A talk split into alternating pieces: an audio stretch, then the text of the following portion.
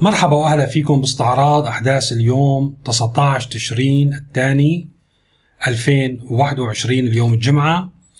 أزمة اللجوء لساتها قائمة المأساة الشعوب المنطقة ومناطق أخرى من العالم وتوجه عشرات آلاف إذا مئات آلاف الناس لحتى يغادروا بلدانهم باتجاه بلدان تتمتع بالاستقرار ويوجد فيها مستقبل ما زالت قائمة.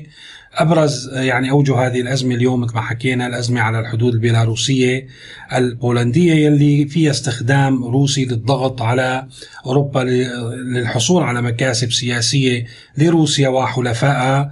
في المنطقة. وحكينا امبارح كيف تحول هذا الموضوع موضوع اللاجئين إلى سلاح خطير بأيدي الدول لحتى يعني توجه المجاميع يلي بالمناطق يلي لها عليها نفوذ باتجاه دول أخرى ويعني يكون نوع من التهديد آه، لمصالح تلك البلدان ول آه، يعني آه، ديموغرافيتها ولتركيبة سكانها في مقابل الحصول على مكاسب أو تنازلات في أماكن أخرى.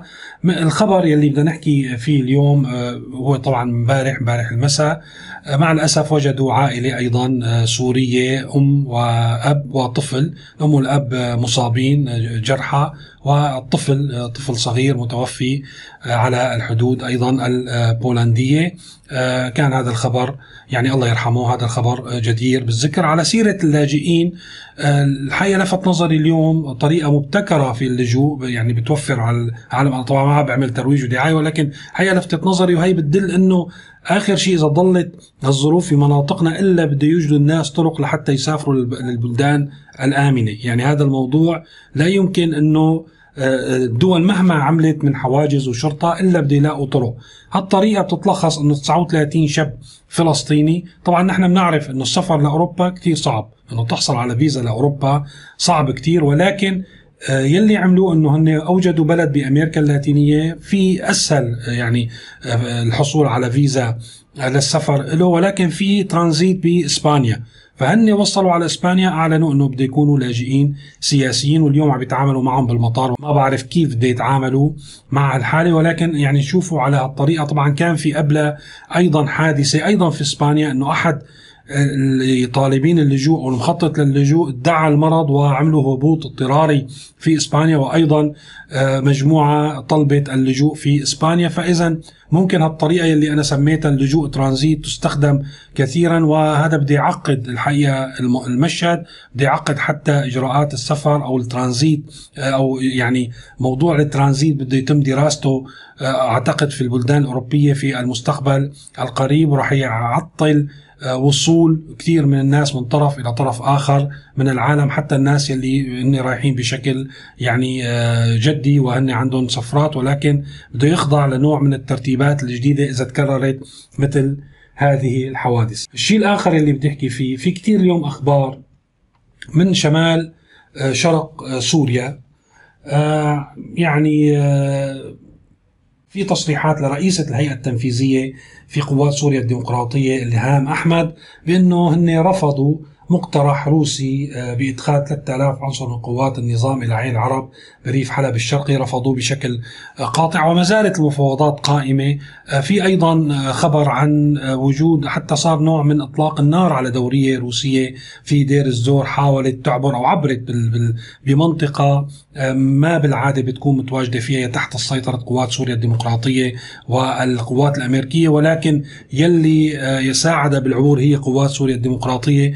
الوضع متشابك في الشمال الشرقي وأنا ممكن أوضح لكم شو عم بيصير. التهديد بالعملية العسكرية التركية في الشمال ما زال قائم وأنا من الناس اللي أعتقد بأنه هو سيحصل بشكل أو بآخر. تركيا من الصعب جدا يعني إنه تتراجع عن إقامة المنطقة العازلة في الشمال ولكن تترك تفسح يعني تفسح المجال لباقي الأطراف من حلفائها وباقي الحلفاء بالتنسيق مع روسيا وباقي الأطراف بالتنسيق مع روسيا لحتى يستحصلوا على أكبر مكاسب ممكنة. فهذه العملية بدها تصير ففي نوع من التغيير بده يصير. المنطقة ما راح يضل ترتيبها بنفس الطريقة فبيصير آه، كل طرف بيحاول يستحصل على مكاسب فيما دون الأهداف التركية اللي مو بالسهولة طبعا. أنا قلت بدها بدها تصير أو هي ستسعى ليس بالضرورة أن تنجح ما بنعرف شو شو بيصير ولكن هو هدف تركي استراتيجي آه، تحقيقه هو آه، بمدى إقناع الأمريكان على مساعدتهم في تحقيقه بالدرجة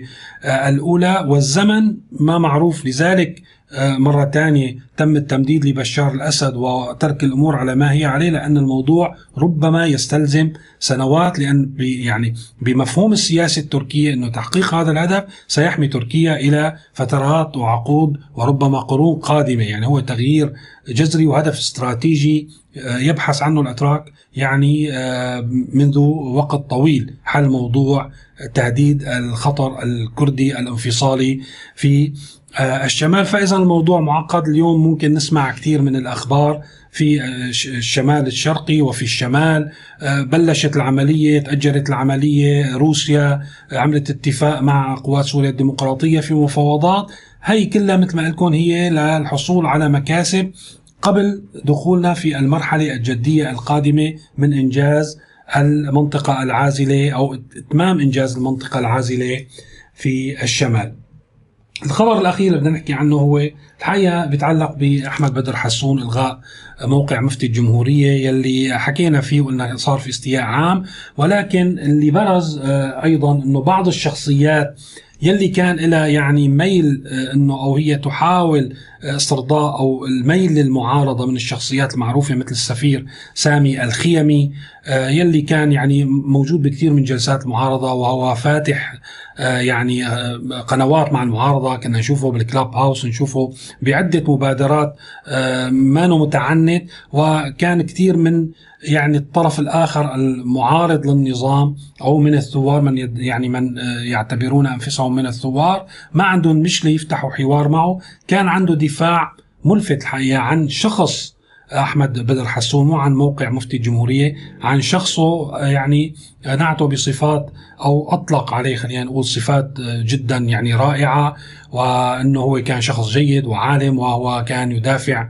يعني طبعا ما له علاقة بموقع المفتي وما يتحتم على المفتي آه، إنه يعمله بمثل هذه الظروف في حماية المجتمع ووحدة المجتمع ومنع القتل والتهجير ولكن في إطار يعني فصاحة اللسان وأنه هو شخص خطيب وكان يدافع عن الإسلام في محافل كثيرة إلى درجة أنه كان يبكي بعض المستمعين من الأديان الأخرى بهذا الإطار. ولاقى المنشور استهجان الكثيرين. امبارح أيضا دوريد لحام استخدم ما دافع عن حسون بشكل مباشر ولكن كان عنده لقاء على سكاي نيوز وسألته المذيعة عن موضوع آه، لماذا هو بقي في سوريا؟ فقال آه، لها استخدم مرة ثانية سورة التين يلي استخدم حسون وقال لها أنه نحن يعني أي دوريد لحام ومن بقي في سوريا هم آه، الزيتون والتين المذكورين في القرآن.